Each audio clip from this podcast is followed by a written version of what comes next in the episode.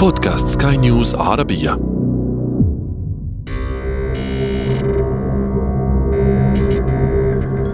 في عام 1999 شاهد العالم فيلم The Matrix فيلم خيال علمي بحت حيث نجحت الروبوتات في السيطرة على البشر ودجنتهم للحياة في عالم افتراضي داخل مصفوفة أو matrix للحصول على الطاقة اللازمة التي تحتاجها تلك الروبوتات. ثم يأخذنا الفيلم عبر أحداثه إلى الصراع بين البشر الهاربين من سيطرة الروبوتات والساعين لتدمير الماتريكس والروبوتات الراغبين في إبقاء البشر قيد السيطرة. Have you ever had a dream, Neo, that you were so sure was real? What if you were unable to wake from that dream? How would you know the difference between the dream world and the real world? إذا كنت من محبي فيلم ماتريكس فأنت بالتأكيد تعلم أنه تم تقديم جزئين تاليين في أعقاب النجاح المدوي للجزء الأول. كما أنك على وشك مشاهدة جزء رابع سيعود به أبطال العمل بعد أكثر من 17 عاما من توقف الفيلم. لكن إن كنت أحببت الفيلم حقا فقد يكون لديك الفرصة ليس لمشاهدته فحسب وإنما أيضا لاختبار ماتريكس ينوي مارك زوكربيرغ الرئيس التنفيذي لفيسبوك أو كما أصبح يطلق عليها ميتا تحقيقه قبل عدة سنوات عندما سئل زوكربيرغ عن توقعاته لوسائل التواصل في المستقبل قال إن البشر سيمكنهم ليس مشاركة رسائلهم ولا وجوه تعبيرية فقط بل ومشاعرهم وحتى اختبار روائح سويا حتى وإن كانت تفصل بينهم مئات الآلاف من الأميال. وفي أكتوبر من عام 2021 أعلن زوكربيرغ عن مشروعه الجديد ميتافيرس عالم سيحيا فيه البشر يمارسون حياتهم وأعمالهم كما يفعلون الآن ولكن الفارق أنه سيكون عالما افتراضيا وغير حقيقي. فهل البشر مقدمون فعلا على الدخول في ماتريكس شبيهة بتلك التي شاهدناها في الفيلم الأمريكي؟ وهل الفكرة فعلا من بنات أفكار زوكربيرغ؟ أهلا بكم.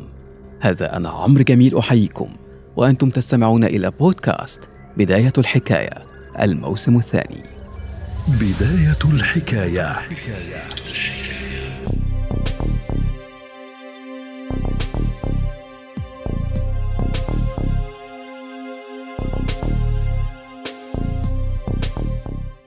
إن كنت من جيل الطيبين فلا بد أنك تتذكر ذلك الجهاز الصغير ذا العدستين والذي كنت تنظر من خلاله فترى صورا مختلفة تشعر أنك مغمور في داخلها.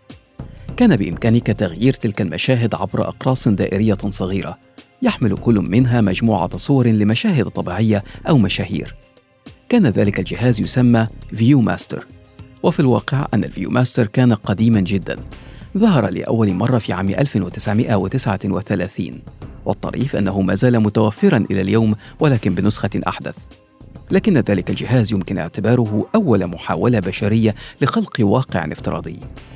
استمر بعدها الطموح البشري بخلق هذا الواقع الافتراضي حتى نال عالم أمريكي يدعى مورتون هيليج في عام 1962 براءة اختراع لجهاز أدخل عليه تطويرات إلى أن نجح في تقديم جهاز أطلق عليه سنسوراما. يشبه جهاز السنسوراما أجهزة ال video games التي ظهرت في الثمانينيات وحتى تلك البسيطة الموجودة في بعض مدن الألعاب اليوم. جهاز ذو حجم كبير مع كرسي وشاشة عرض ينظر من خلالها اللاعب لمشاهدة عدد من الأفلام القصيرة ثلاثية الأبعاد والتي يتم من خلالها توظيف حواس النظر والسمع واللمس والشم أيضا. من بين تلك الأفلام فيلم لقيادة دراجة نارية في شوارع مدينة بروكلين الأمريكية. يتميل اللاعب على كرسي مع حركة الدراجة ويشعر بالرياح من حوله.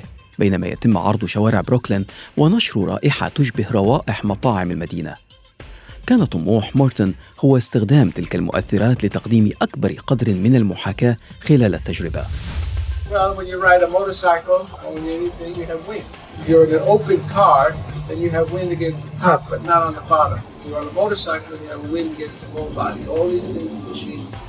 Smell is uh, all kinds of. The machine can take uh, ten smells. Uh, I generally have about two smells for each film.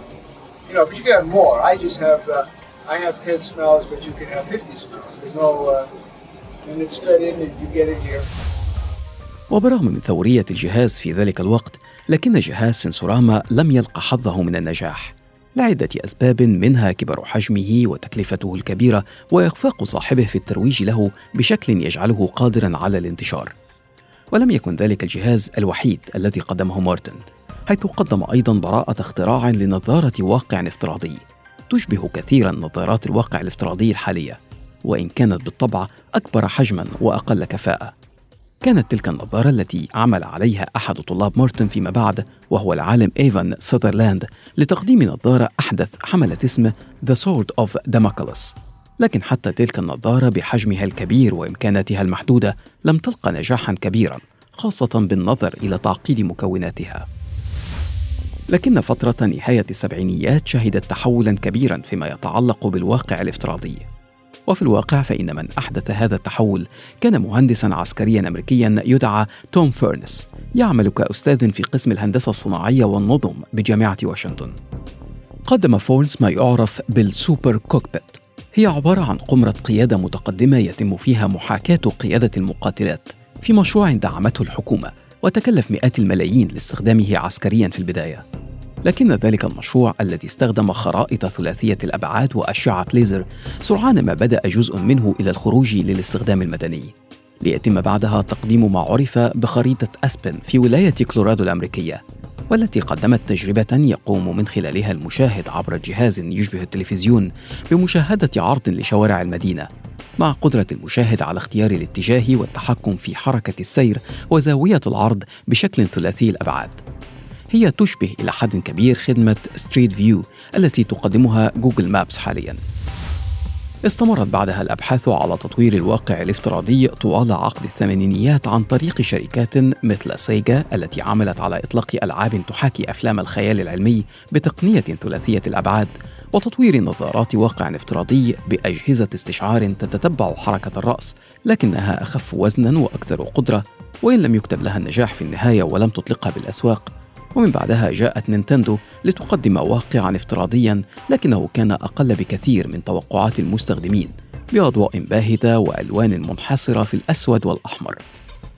ظل هذا التطور حتى ظهور فيسبوك وانتشار الشبكة الاجتماعية بشكل كبير في أنحاء العالم وتوسعها كشركة رائدة واستحواذها على عدد كبير من الشركات الأخرى.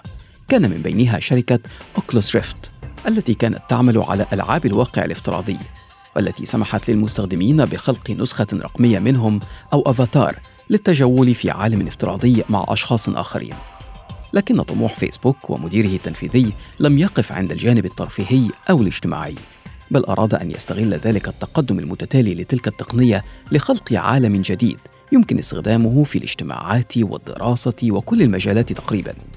ليحول اسم شركته التي تضم موقع فيسبوك وإنستغرام وواتساب وغيرها إلى ميتا مبشرا بعصر الميتافيرس. إذا ما هو الميتافيرس؟ الكلمة نفسها مؤلفة من مقطعين. هما meta أي ما وراء و verse وهي اختصار ل universe أو العالم. هي تقنية يفترض أنها ستضم سلسلة من العوالم الافتراضية التي تضم تفاعلات لا حصر لها بين المستخدمين من خلال الأفاتار الخاص بكل مستخدم. يمكن استخدامها في مجال الأعمال والدراسة والتواصل وغيرها.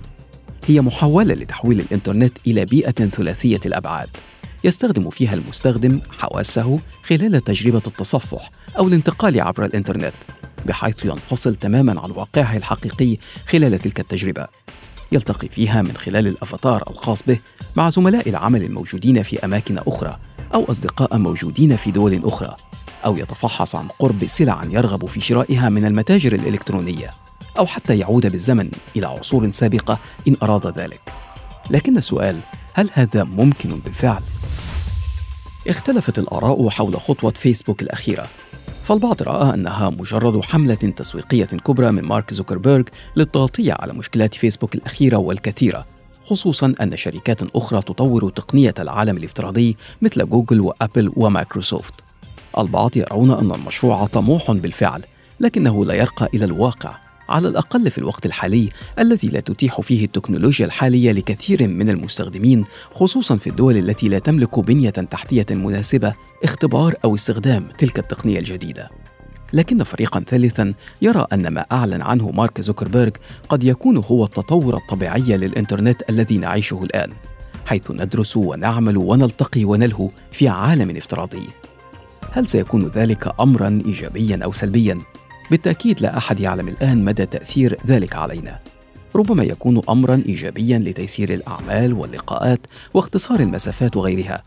وربما نجد أنفسنا في المستقبل مجرد كائنات معزولة لا تتواصل إلا عبر أفاتار تعيش جميعها داخل مصفوفة افتراضية. مصفوفة قد يطلق عليها يوما ما. اسم الماتريكس. بداية الحكاية.